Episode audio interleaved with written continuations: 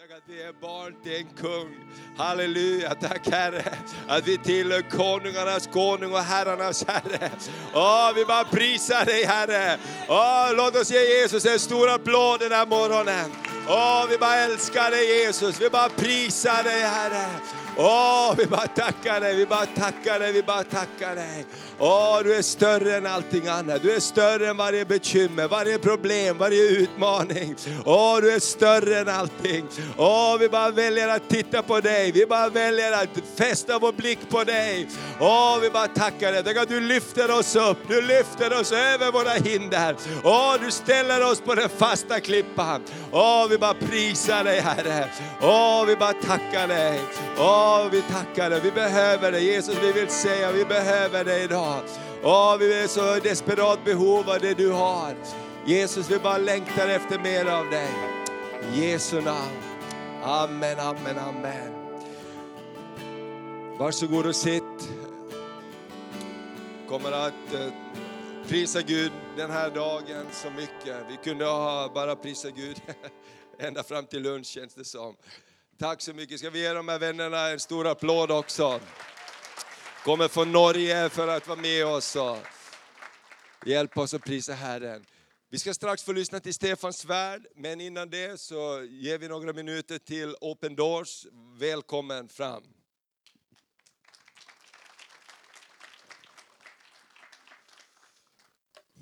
Halleluja. Vi, vi bygger Guds tron när vi lovsjunger tillsammans. Vi bereder marken för Herren. Vi lovsjunger och Gud talar till oss och vi lyfter honom i Örnsköldsvik, i Sverige. Jag jobbar ju, jag talade också en stund igår om Open Doors och berättade mer vad Open Doors arbetar med. Men i tjänst för världens förföljda kristna. Um, och förföljda kristna sa vi igår, det finns det gott om i vår värld. Och vi märker också av att förföljelsen finns i vår kontext, i Sverige. Eh, där Guds rike växer fram, där ser vi också förföljelse. Eh, och idag i vår värld så finns det många platser där vi inte kan lovprisa Gud på det sätt som vi gör. Vi längtar efter att få se hur, hur vi får bygga Guds rike i vår värld i alla kulturer, bland alla folk och stammar. Men vet du om, det finns idag 7078 folkgrupper som fortfarande är helt onådda. 7078 folkgrupper utan en existerande församling där lovsången inte finns. Vad gör vi åt det och hur kan vi vara med och påverka så att Guds rike når ut i hela världen? Det är det som är vår kallelse, att nå ut med evangeliet i hela världen. Det finns platser på vår jord där Guds rike har funnits i tusentals år, i varje fall 2000 år. Eh, och jag tänker på länder som Irak och Mellanöstern. Och det finns, det finns en område i norra Irak som kallas för Nineveslätten. Och vi känner till framfarten av IS, den islamska staten, och hur man sa att det finns inte plats för de orena här i den här staden, i Mosul, här på Nineveslätten. Och man drev bort samtliga kristna ifrån de här delarna. Men vet du vad? Vad börjar hända nu? IS är ju besegrat, åtminstone militärt, i den här delen av norra Irak.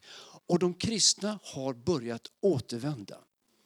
De kristna har börjat återvända till sin hemstad, till Karakush, som var tömd på kristna.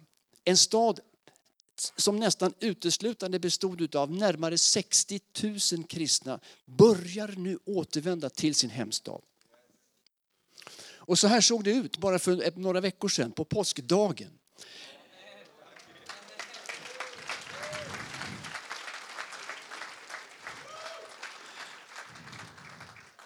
När de kristna har samlats för att tillbe och lovprisa Gud och lyfta, precis som vi gjorde här nu, Guds namn i Karakush i norra Irak. Guds rike och Guds folk är åter på plats. Men det är, men det är bekymmer, det finns stora bekymmer. Och jag ska återkomma alldeles strax till det. Här kommer en video. Nu ska vi ha ljud på igen.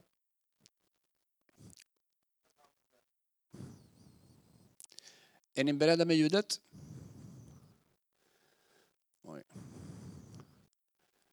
Okej. Okay.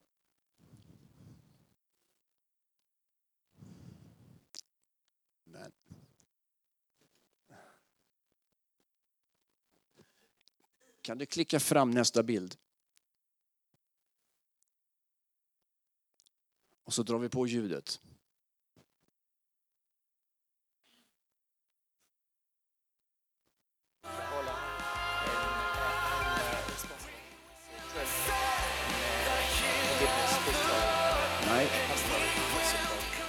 Backa, det är fel ljud.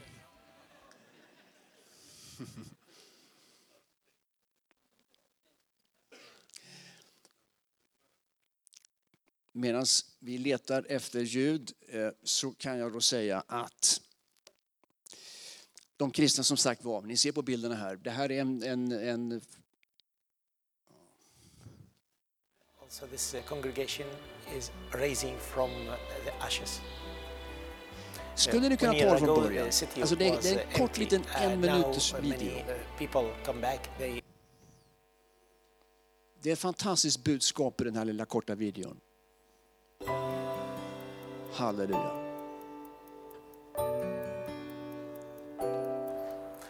I'm Father George Jahola, and I'm responsible in this church. And uh, I give uh, spiritual uh, and uh, pastoral uh, support in this church. It's uh, Easter now. Uh, this uh, Easter is uh, very important to the uh, faithful in Karakosh.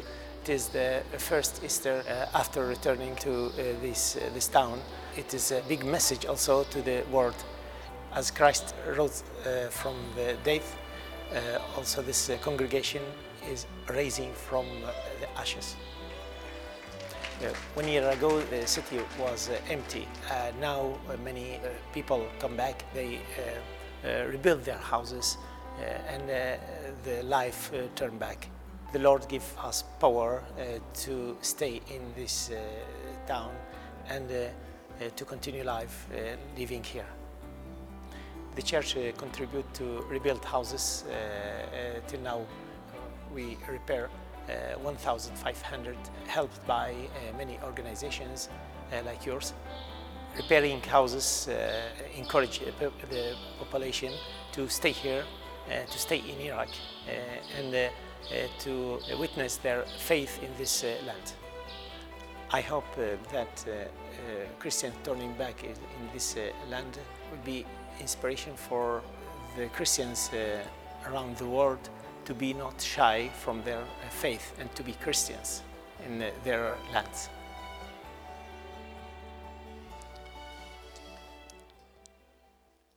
De kristna är tillbaka i Irak. De kristna håller på att återbygga sina liv. Det här lilla korset är gjort av en hantverkare, en carpenter, en snickare i Karakush som har återvänt och gjorde det här åt mig och några av mina kollegor. Ett bevis på att de kristna finns kvar. De kristna har återvänt. Eh, och om vi får tillbaka bildspelet nu igen. Så, eh, så är det, dock är det ett bekymmer. Och det är att det finns inget skydd. Här har vi en bild på bröderna som, eh, som tillverkar det här korset. Men på Nineveslätten så saknar församlingen och de ursprungliga befolkningen det skydd som man behöver. Eh, jag hade ett möte tillsammans med Lars Adaktusson, en man som sitter i Europaparlamentet. Vi kan ta nästa bild. För ett par- veckor sedan när vi talade i ett samtal, offentligt samtal om de kristnas framtid i Irak. Därför, i det här området finns det inget skydd. Det finns, den irakiska staten ger inget skydd. Eh, den kurdiska eh, regionen till höger där ger inte heller något skydd. Det är någon sorts ingenmansland. Men det finns någonting inskrivet i irakisk lagstiftning som säger att man, man skulle kunna ge en viss form av självstyre på Nineveslätten. Där man alltså skulle få möjlighet att kunna bygga upp sina liv, återvända till sina hem, få ett visst skydd där man bor. De kristna skulle få en fristad i sitt eget land. Just nu lever man och har återvänt med stor risk. Man har ingen säkerhet, varken från staten eller internationella samfundet. Så Lars Adaktusson och andra jobbar just nu med att hitta en väg fram för de kristna att kunna få återbygga sina liv i Karakush och på Nineveslätten här uppe. Men, säger eh, analytiker, Det är en väldigt begränsad tid. Det handlar om att fatta beslut nu. Det handlar om att på ett, under ett, en kort period innan chansen är borta se till att det finns möjligheter för de kristna att återvända med säkerhet och kunna bygga upp sina liv. Det är det här vi jobbar med i Open Doors. Vi skapar opinionsbildning. Vi uppmanar kristna runt jorden att vara med och förstå vad det är som händer. Att skaffa sig information och vara med och be. Vi kan ta nästa bild. Vi har därför tagit med oss en böneguide. Så alla ni som är här, ta en böneguide med er. Kom ihåg att be för den förföljda kyrkan. För just nu är det ett kritiskt läge uppe på Nineveslätten för de kristna i Irak.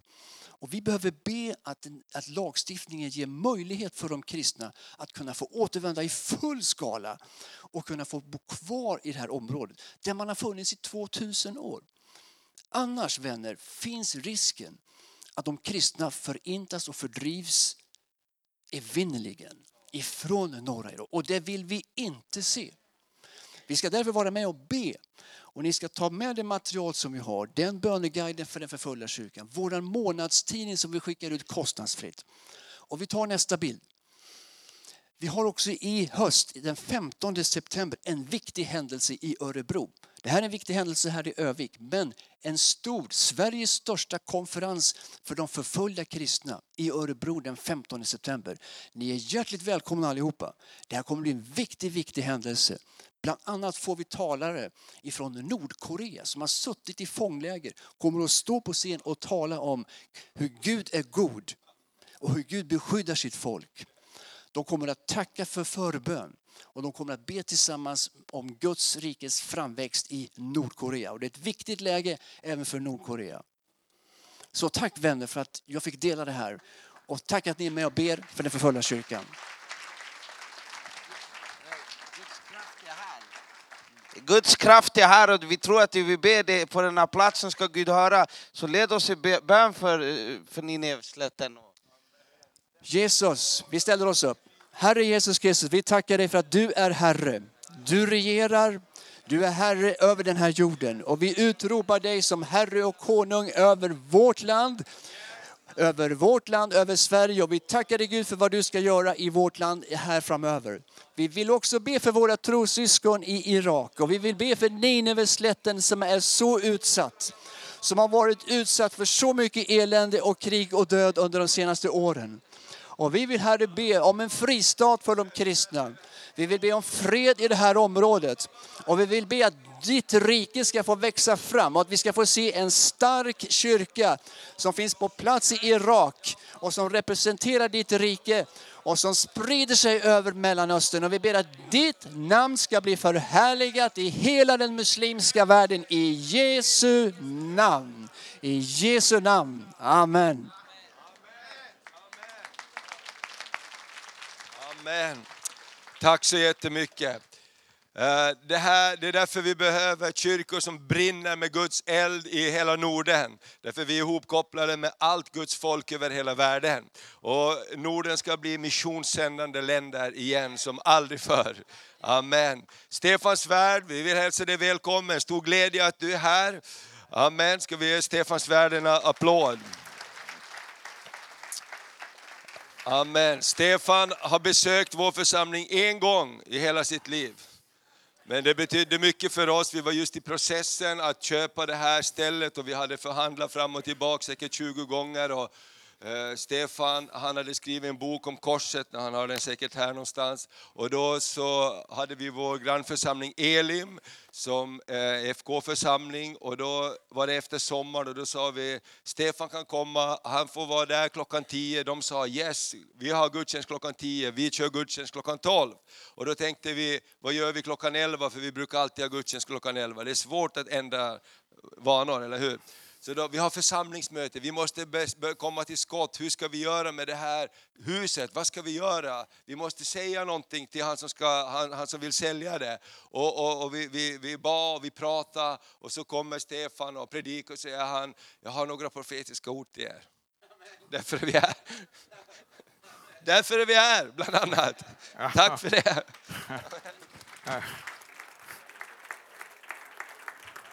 Ja, ja, det var kul. Jag har inte en susning om vad det var jag sa för någonting, men det, det har ju tydligen ni.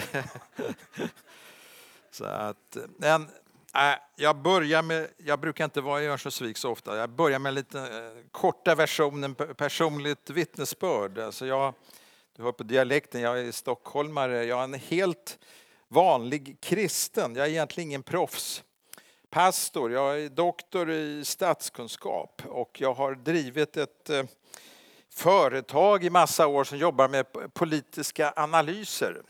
Jag är internationell politik. Så jag har varit med på massor av både FN-konferenser och EU-konferenser och alla möjliga andra sorts konferenser. Men alla kristna är ju kallade av Gud och så parallellt med det har Gud kallat mig till att vara med och jobba med mission i Stockholm och plantera församlingar. Så det har jag hållit på med de senaste nästan hundra åren nu. Och, eh, och min specialitet är att börja församlingar som inte har några medlemmar alls. Eh, scratch, noll, ingenting, inga byggnader, inga medlemmar, inga pengar, nothing. Det börja med den utgångspunkten. Det enda man har är Gud. Jag håller precis nu på att börja från scratch igen och vet du vad jag hade nu i starten? Det var Gud, min fru och jag. Det är det vassaste team i hela världen. Vi kunde ha församlingsmötena i sovrummet.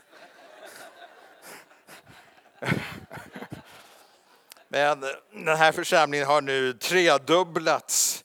Så nu vi ska börja på allvar till, till hösten. Och, eh, Gud har kallat oss till att nå svenska överklassen. Eh, det är underbart med alla som satsar på banditerna och, och stökiga förorter och allt sånt här. Men, men Gud har kallat oss, ni ska gå ut med evangeliet till svenska överklassen och ha fokus på Östermalmsborna. Så det är det vi håller på med.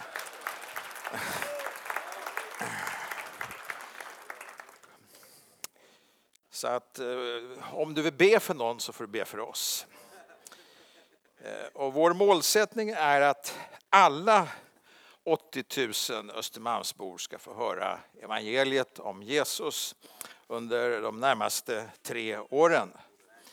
Sen är de mer svårflörtade i vår... Vårt missionsfält är mer svårflörtat än att jobba på fängelser eller stökiga förorter. Men Jesus sa gå ut i hela världen till alla folk. Och det här känns så spännande. Sen har jag varit engagerad i svensk kristenhet på många olika sätt. Skrivit och pratat och, haft olika uppdrag. Bland annat ordförande i Svenska Evangeliska Alliansen. Där borde du bli medlem förresten om du inte är det. Mejla eller eh, gå in och surfa sea.nu och så blir du medlem. Det kan du ägna dig åt ikväll. Välkommen! Men jag har skrivit också böcker, jag brukar plocka med mig en del av dem när jag är ute så här. Hur kan jag tro på en Gud som jag inte kan se? Perfekt för människor som inte är kristna. Sakligt, resonerande och vänligt förklarar jag att det är smart att tro på Gud. Efter detta och inte utan korset är två böcker som handlar om eh, urvattningen av kristen lära. Dels om hela frågan om himmel, helvete. Kan man gå evigt förlorad? Frågar du moderna kyrkoledare och präster så får du ett mumlande svar. Den här boken ger inget mumlande svar utan går igenom bibeltexterna, klart och tydligt och försöker hitta en biblisk helhetslinje. Inte utan korset. Samma sak med läran om korset. Sen har jag också med min senaste bok. Jag skriver ihop med Mikael Grenholm. Jesus var också flykting. Och den här har vi skrivit på med en profetisk eh, puls. I varje fall delar av boken är skriven utifrån det. Och högaktuell inför valet eh, högaktuell utifrån de frågor som vi bad för igår kväll. Vi utformar en biblisk syn på invandring, främlingen.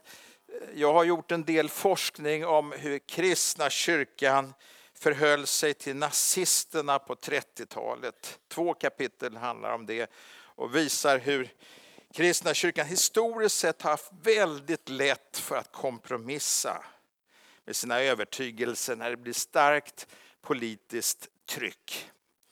Och vi har stora svek i vårt förhållande till judarna och nazisterna både i Sverige och i tyska kyrkan. Vilket vi visar klart och tydligt i de här böckerna. Du får köpa dem mycket billigare än på, inter, än på internet. 150 kronor per bok, alla fyra 400 kronor. Ett bord där nere kan du få tag i böckerna. Nu tänkte jag vara er pappa en stund. Lyssnar du på vad jag säger nu kommer det gå bra för dig i livet.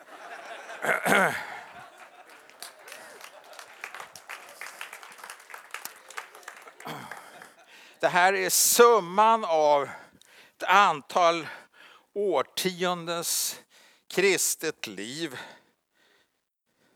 Där jag, jag bars in i kyrkan när jag var två veckor gammal. Och jag har varit kvar sedan dess. Man kan uppleva Guds nåd även om man inte har rånat banker eller, eller någonting annat. Alla är lika stora syndare, även vi som bars in i kyrkan vid två veckors ålder och alltid håller oss kvar där. Ingen rättfärdighet finns. Det är bara Guds nåd. Den dagen jag lämnar det här jordelivet och knackar på himlens dörr, vad kan jag visa upp för meriter? Ska jag komma till Jesus och säga att jag har grundat x antal församlingar, jag har skrivit så många kristna böcker. Gud, jag har skrivit 347 ledare i tidningen Världen idag. Blir jag insläppt?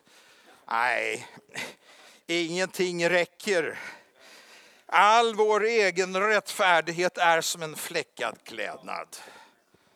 Det finns bara en sak som släpper in oss och det är Jesu Kristi blod.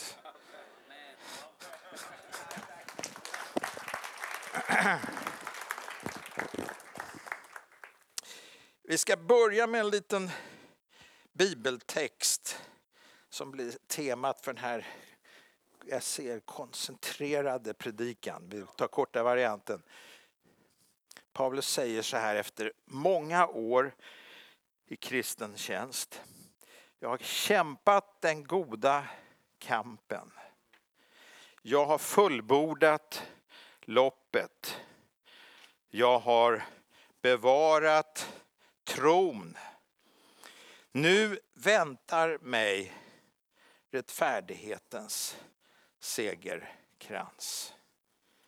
Vet du vad är min innerliga passion är? Att alla vi som sitter här inne nu, när vi avslutar våra liv, ska vi kunna säga samma sak. Och vill du det, en väldigt bra investering är lyssna på vad jag ska säga nu.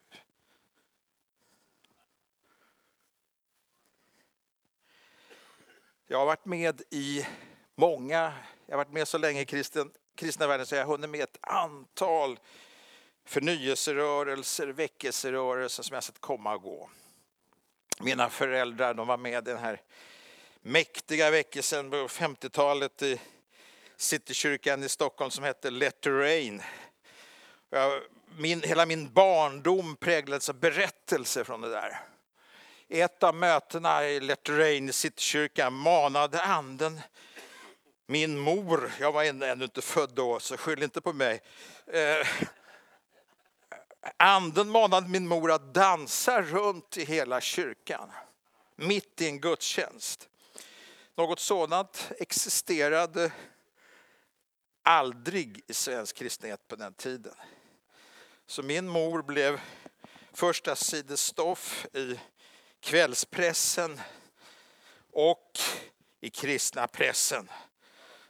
Och Levi Petrus blev upprörd. Han skrev en ledare i dagarna. han skrev dansen utför.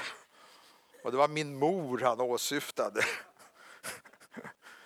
Men det gick ändå bra, jag står ju här. Så att sen hamnade vi i Maranataväckelsen tidigt 60-tal. Det var också, alltså, mötet igår kväll, det var precis som ett Maranata-möte 1962 och 63 som jag var i som barn. Precis. Bönenivån var samma. Mötena tog aldrig slut, de där Maranata-mötena. Folk hade noll ljuddämpare när de bad. Och ja, det var mycket grejer här. Eh, och de som aldrig gick i kyrkan, de köade för att komma in på Maranata-mötena. Och jag har en känsla av att det är något liknande på gång igen.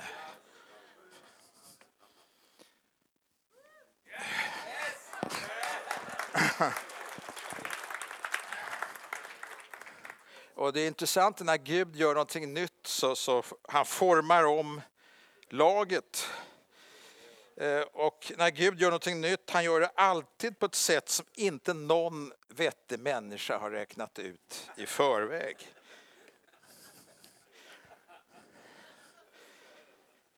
Alla de skeenden jag har varit med om hittills i mitt liv, det har gått till på ett sätt som fanns ingen kalkyl eller strategi överhuvudtaget. Utan helt plötsligt reser Gud bara upp personer som han, precis som han själv vill. Därför att det ska vara grundat på hans nåd. Hur många väckelser i Sverige har startats på ärkebiskopens kansli eller i ett samfundskontor? Nada.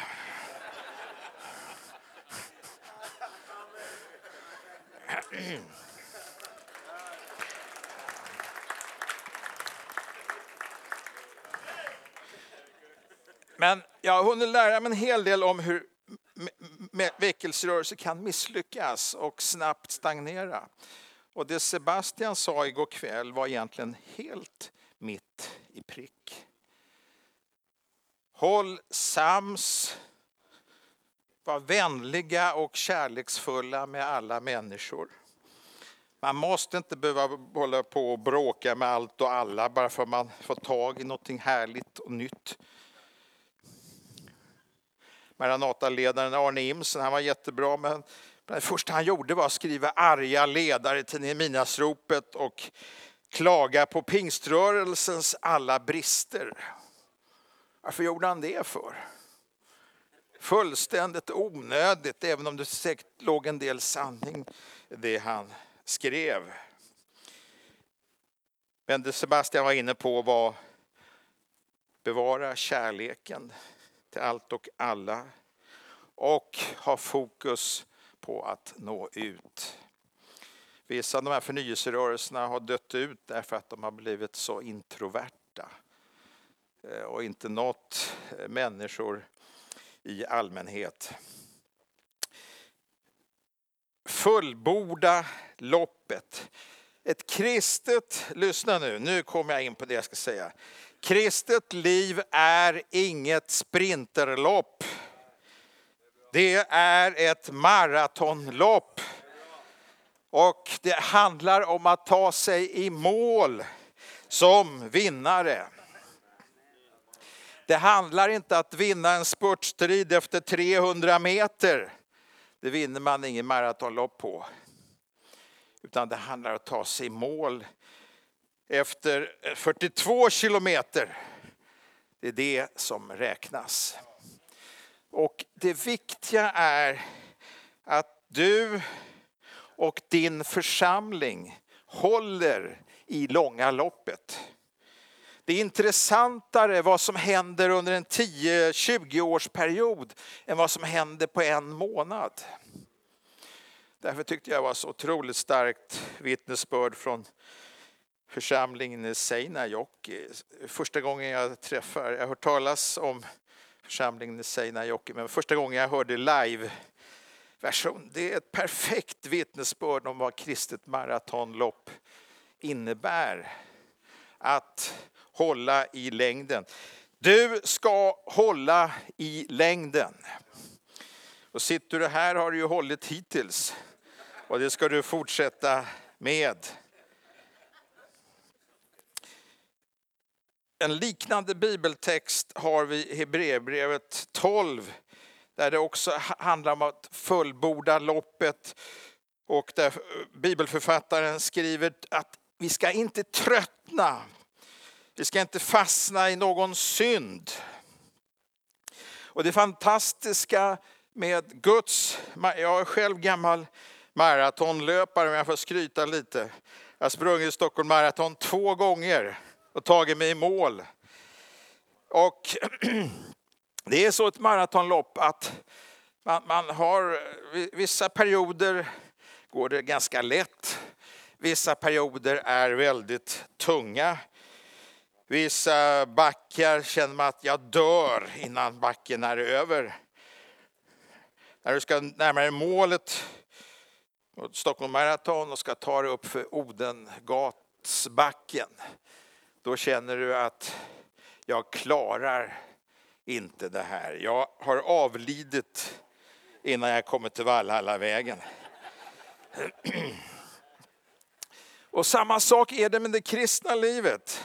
Du har ups and downs i livet. Församlingar har uppgångar och nedgångar och svackor och segerperioder om vartannat. Men det fantastiska är att Gud är en Gud för Dalarna. Alltså jag menar inte Dalarna i Falun. Dalgångarna. Men han är också en Gud för höjderna. Och han vill vara med dig i alla livets omständigheter. Både tuffa perioder och fantastiska perioder är han hela tiden din Gud, Herren vår herde. Och när man ser det och håller fast vid det behöver man aldrig tröttna. Jag minns, eh, jag började med församlingsgrundande verksamhet redan på 70-talet i Järfälla. Sen blev vi utsända till en stökig, hård förort i södra Stockholm som hette Brandbergen. Där var hög kriminalitet, social oro och stökigt. En kväll sa Herren till mig och min fru att vi skulle flytta dit och starta en församling. Jag hade inga kontakter där, visste ingenting om området. Jag hade, stort, jag hade aldrig varit där. Så vi gjorde det. mesta jag har gjort det har varit småskaligt. Eh, inga, hade inga dagen-journalister som kom till oss i Brandbergen inte och skrev om utan eh, det var småskaligt, inga människor visste om vad vi gjorde. Eh, efter två år hade vi en församling med 18 medlemmar. Och, och det var ganska tufft. Och då kom, just då satte det igång en våldsam väckelse i Södermalmskyrkan i Stockholm. Ni som har varit med ett tag vet vad jag åsyftar med Bror Spets och Ulf Ekman började predika där. Det var proppfullt varje vecka, varje söndag förmiddag, varje söndag kväll, varje onsdag kväll var det proppfullt i Södermalmskyrkan. Och hade dop varje söndag kväll. Och vår jätteförsamling på 18 medlemmar, de började åka in till Södermalmskyrkan. Och så kom mina fantastiska medlemmar till mig som den kärleksfulla pastorn och sa du vet hur uppmuntrande medlemmar kan vara ibland i pastorer. Sa, det är ingen idé att vi håller på med det här i Brandbergen. Vi lägger ner och så åker vi in till eh, Södermalmskyrkan allihop, alla 18. Det är mycket härligare där. Tack, tack. Och eh, och så kallade jag in till ett församlingsmöte. Vi, vi hade ju ett här, en rum med en soffa, där hade vi våra möten. En soffa och några stolar, där fick hela församlingen plats. Så här, sa till församlingen, ni kan gå med i Södermalmskyrkan hur mycket ni vill. Jag bryr mig inte, sa jag. Jag och Gud fortsätter i Brandbergen.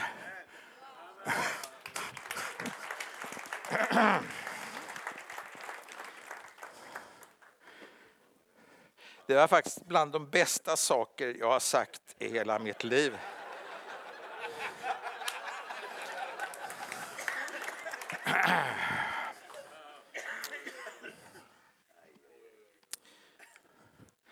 Eh, 19 år senare, jag kände att nu är jag klar som pastor för den här församlingen. Då var vi 320.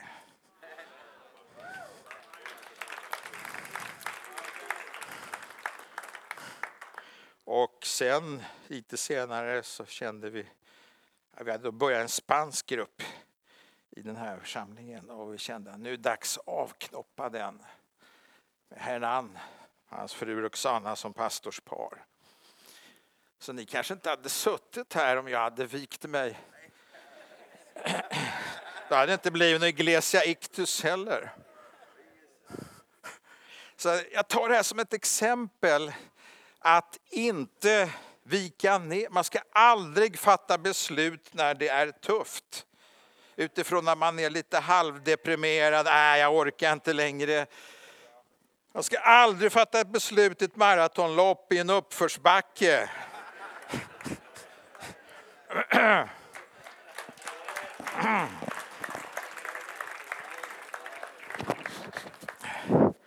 Men Gud är fantastisk, nådefull ledare för maratonloppet. Han förstår att vi kan hamna i svackor, att vi kan bli trötta, vi kan behöva en kisspaus, behöva ett maratonlopp. Det begriper Gud också. Och ibland kan vi springa fel. Men Gud är med oss och visar här i vägen. Ibland gör man fullständigt fel.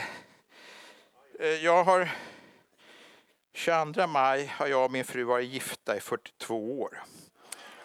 Och eh, det är så här, man har varit gift så länge då blir det väldigt så här hett, erotiskt. Och eh, pang på rödbetan. Och man, behöver, man behöver inte hålla på och flörta i tre dagar.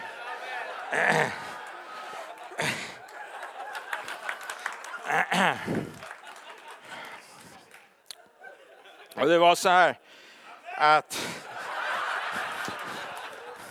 Vem var det som sa amen? Det var så här att min fru fyllde år. Jag bara tar som exempel hur totalt fel det kan gå ibland, även om vi menar väl. Min fru fyllde år och var på jobbet. Och jag kände att jag ska skicka ett sms till henne. Ett erotiskt hett sms. Med en massa så här älskling och puss och kram och jag längtar efter att se dig snart. Kom hem från jobbet kvickt. Eh. Och jag skickar iväg detta sms. Och när jag skickat det så ser jag jag har skickat till fel nummer.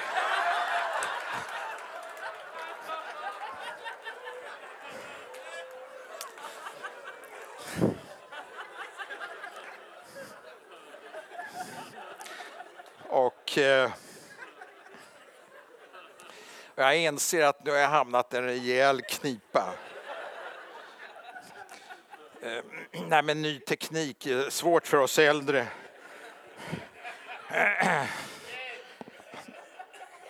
Så jag, jag skickade sms av misstag till den jag hade ringt innan. Jag.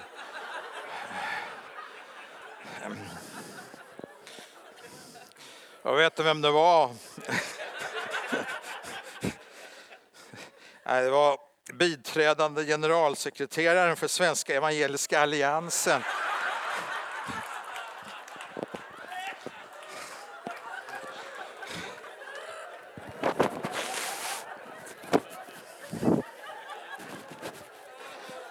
Och, eh,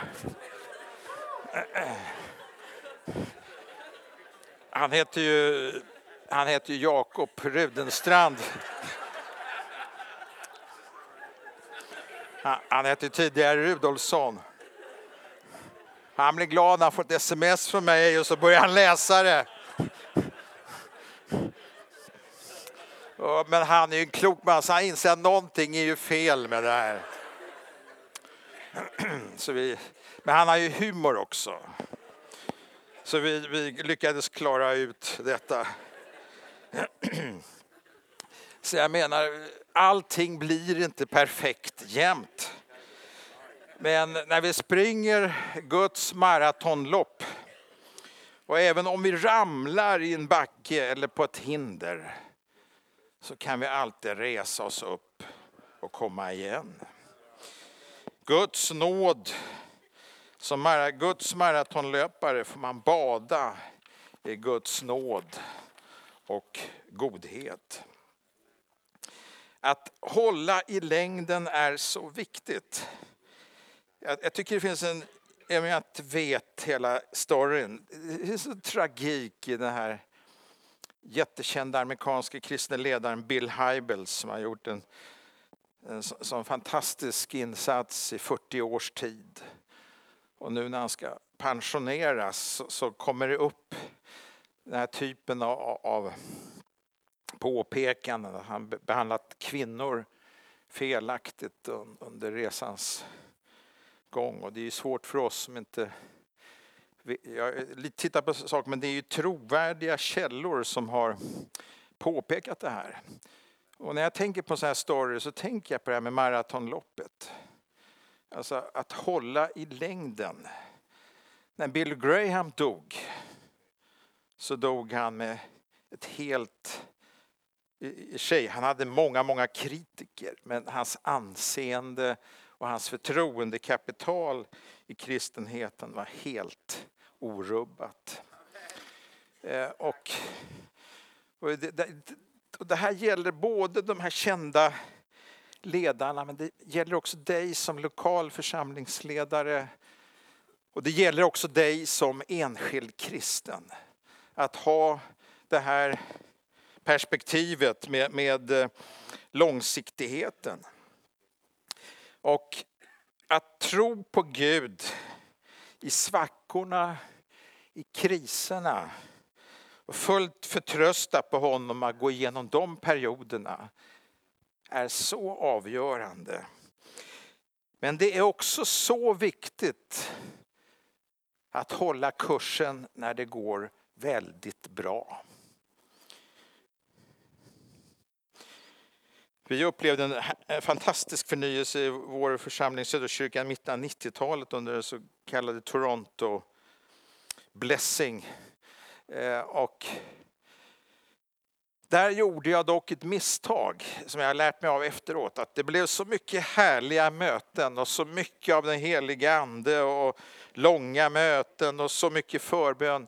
Men vi blev alldeles för introverta. Gudstjänsterna blev nästan som en drog istället för att sändas ut till världen. Så att farorna är minst lika stora i både upp och nedgångar. Håll fast vid din kallelse. Håll fast i troheten i relationer med människor. En viktig punkt för en pastor är ledare är rollen som förälder. En del går det väldigt lätt för. Allt går enligt regelboken och en, en sorts optimal kristen utveckling. Jag har många pastorskollegor som jag vet har kämpat något enormt på det området. Jag, jag blev påminn om det när jag läste Svenska Dagbladet igår på vägen hit. En intervju med en mycket känd kulturpersonlighet i Sverige. Jag känner ju den här personens far, en brinnande missionär och församlingsledare. Och intervjun visar ju med all tydlighet hur han har gått långt bort från sitt föräldrahem, sin uppväxttro och såg nu fram emot sitt bröllop, eh, sitt samkönade bröllop som skulle vara inom några veckor. Jag vet vilken smärta det är hos pappan. Men han har valt en linje. Det anknyter också till igår kväll. Att alltid älska. Petrus säger det till kvinnor i ett av sina brev som har män som inte är kristna och som är tröga och får med och allt sånt här. Älska dem utan ord. Här kommer uthålligheten och viljan att inte ge upp eh, när det kommer in på bara skinnet. Då är det som allra viktigast. Inför icke-kristna anhöriga, oavsett om det är föräldrar eller barn eller andra släktingar. Frågan för dig är, hur kan jag på bästa möjliga sätt visa Jesu oändliga kärlek för dessa personer? Även i sådana här lägen då det kanske inte ens går att presentera evangeliet och berätta om sin kristna tro. Jag kommer inte från någon släkt där allt och alla är kristna. Jag har bland annat två kusiner som är new age häxor av lite olika varianter. Men vi har eh, intensiva andliga samtal och det är jag som driver på. Vi ska ofta ha kusinträffar. Det är aldrig rätt väg att dra sig undan utan vara med.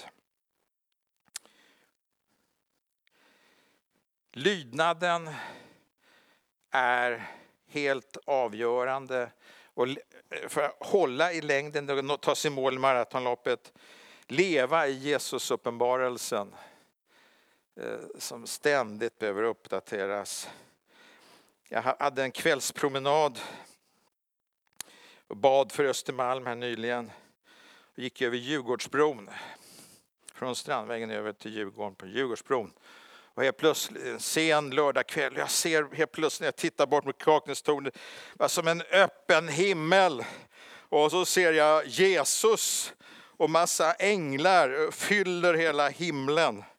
Och jag bara står där och jag är ganska crazy, så jag ser sånt här hela tiden. När jag går, när jag kom in i lokalen här såg jag Guds eld över Örnsköldsvik.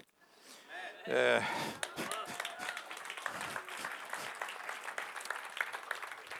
Eh, jag har fått till, eh, eller nu ska jag säga två saker samtidigt som är helt olika. Eh, jag tar det ena först. Jag fick den här visionen över Stockholm och jag blev så uppfräschad i min tro, i min ande. Jag berättade om det i en kyrka söndagen efter.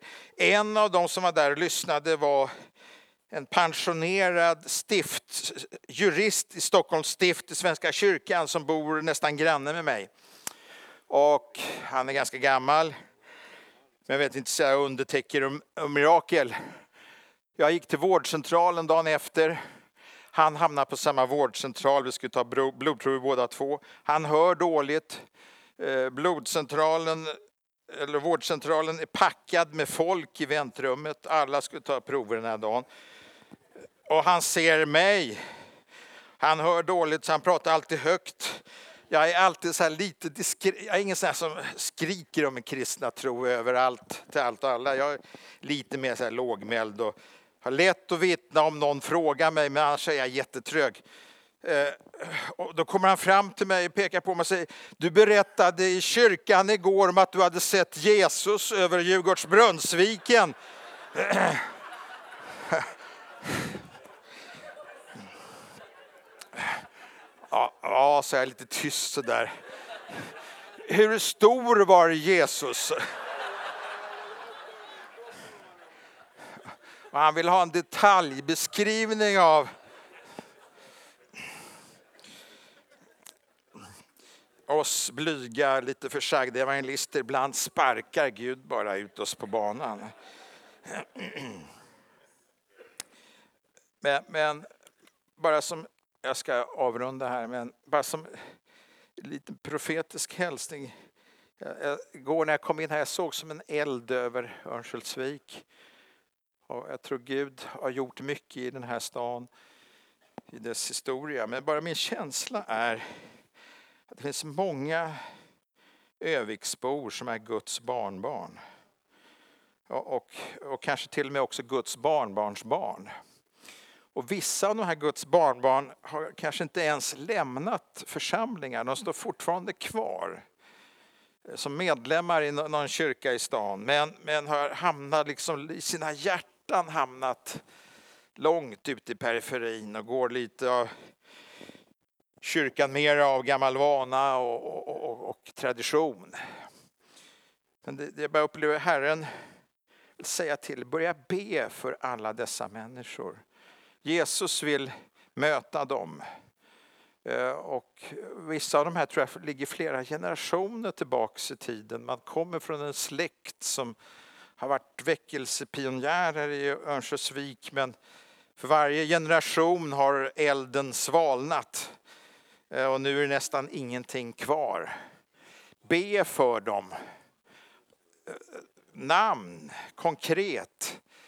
Jag bara ser framför mig att, att Gud vill göra någonting bland den här kategorin av människor. Att hålla i längden i maratonloppet det är också en daglig kamp. Ibland kan det vara någon liten detalj som får en, en liten sten på vägen som kan få en att snava ordentligt. Jag får till mig ofta väldigt märkliga, ibland konstiga profetior. Men jag, jag bara får till mig här, jag känner jag ska säga det, att det finns flera personer här inne som känner, som, gifta personer som känner stark attraktion till någon annan än den du är gift med. Och det, det är alltså känslor, tankar, impulser som du helt enkelt har svårt att kontrollera. Men, men Herren säger till det som ett ord av varning att du måste vara väldigt noggrann med att hantera dina känslor och impulser. Och, och, du måste leva i ärlighet, ljus och kunna bekänna för andra om du brottas med sådana här saker. För annars kan det här få dig att hamna utanför Guds löparbana. Man ska inte nonchalera de små sakerna som dyker upp. Helt plötsligt kan vi hamna i jättehinder på löparbanan blixtsnabbt. När vi skulle få vårt första barnbarn för fyra och ett halvt år sedan. Min fru är barnvakt just nu, annars hade hon varit med mig här. Min dotter skickade ett sms klockan ett på natten. var i, i, i eh, hospitalet i, i Oslo där de bodde just då. Sa nu är det på gång. Jag kommer föda inom ett par timmar. Så fick jag till sms halv tre, det går jättebra, inte klart än. Sen blev det alldeles tyst. Inget sms. Jag försökte ringa, jag försökte smsa, jag hörde inte ett ljud från, från Oslo. Och jag, ble, jag blev riktigt skakis. Jag undrar vad är det som händer? Har det hänt något? Åtta på morgonen fick jag ett kort sms av hennes norska man och skrev att det var akuta problem. Barnet hade svårt att andas. Och helt plötsligt på en sekund hade jag rasat ner, inte bara en dal utan en, en gro, djupaste grop. Jag blev nästan desperat. Och, och då skickade jag ut sms och, och Twitter och allt, alla kristna jag kände, Facebook, rubbet, bed. Och, eh, och eh, många, många kristna runt om i hela Sverige bad. För, hon, lilla bebisen svävade mellan liv och död. För vissa saker gick helt snett precis vid födselögonblicket. Det var en kombination av saker. Fem dagar senare fick far, mor och en liten dotter lämna sjukhuset helt frisk.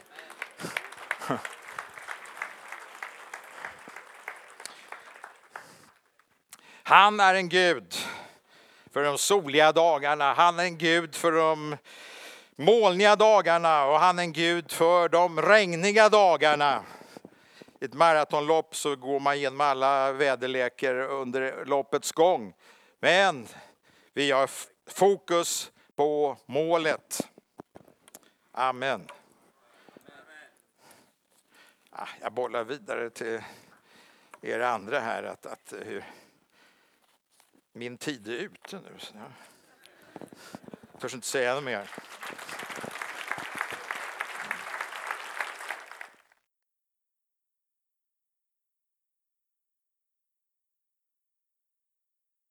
Amen. Tack så jättemycket Stefan. Visst var det här bra? Så viktigt budskap och det tar vi till oss. Gud är en Gud i alla livets omständigheter. Det behöver vi få påminnas om.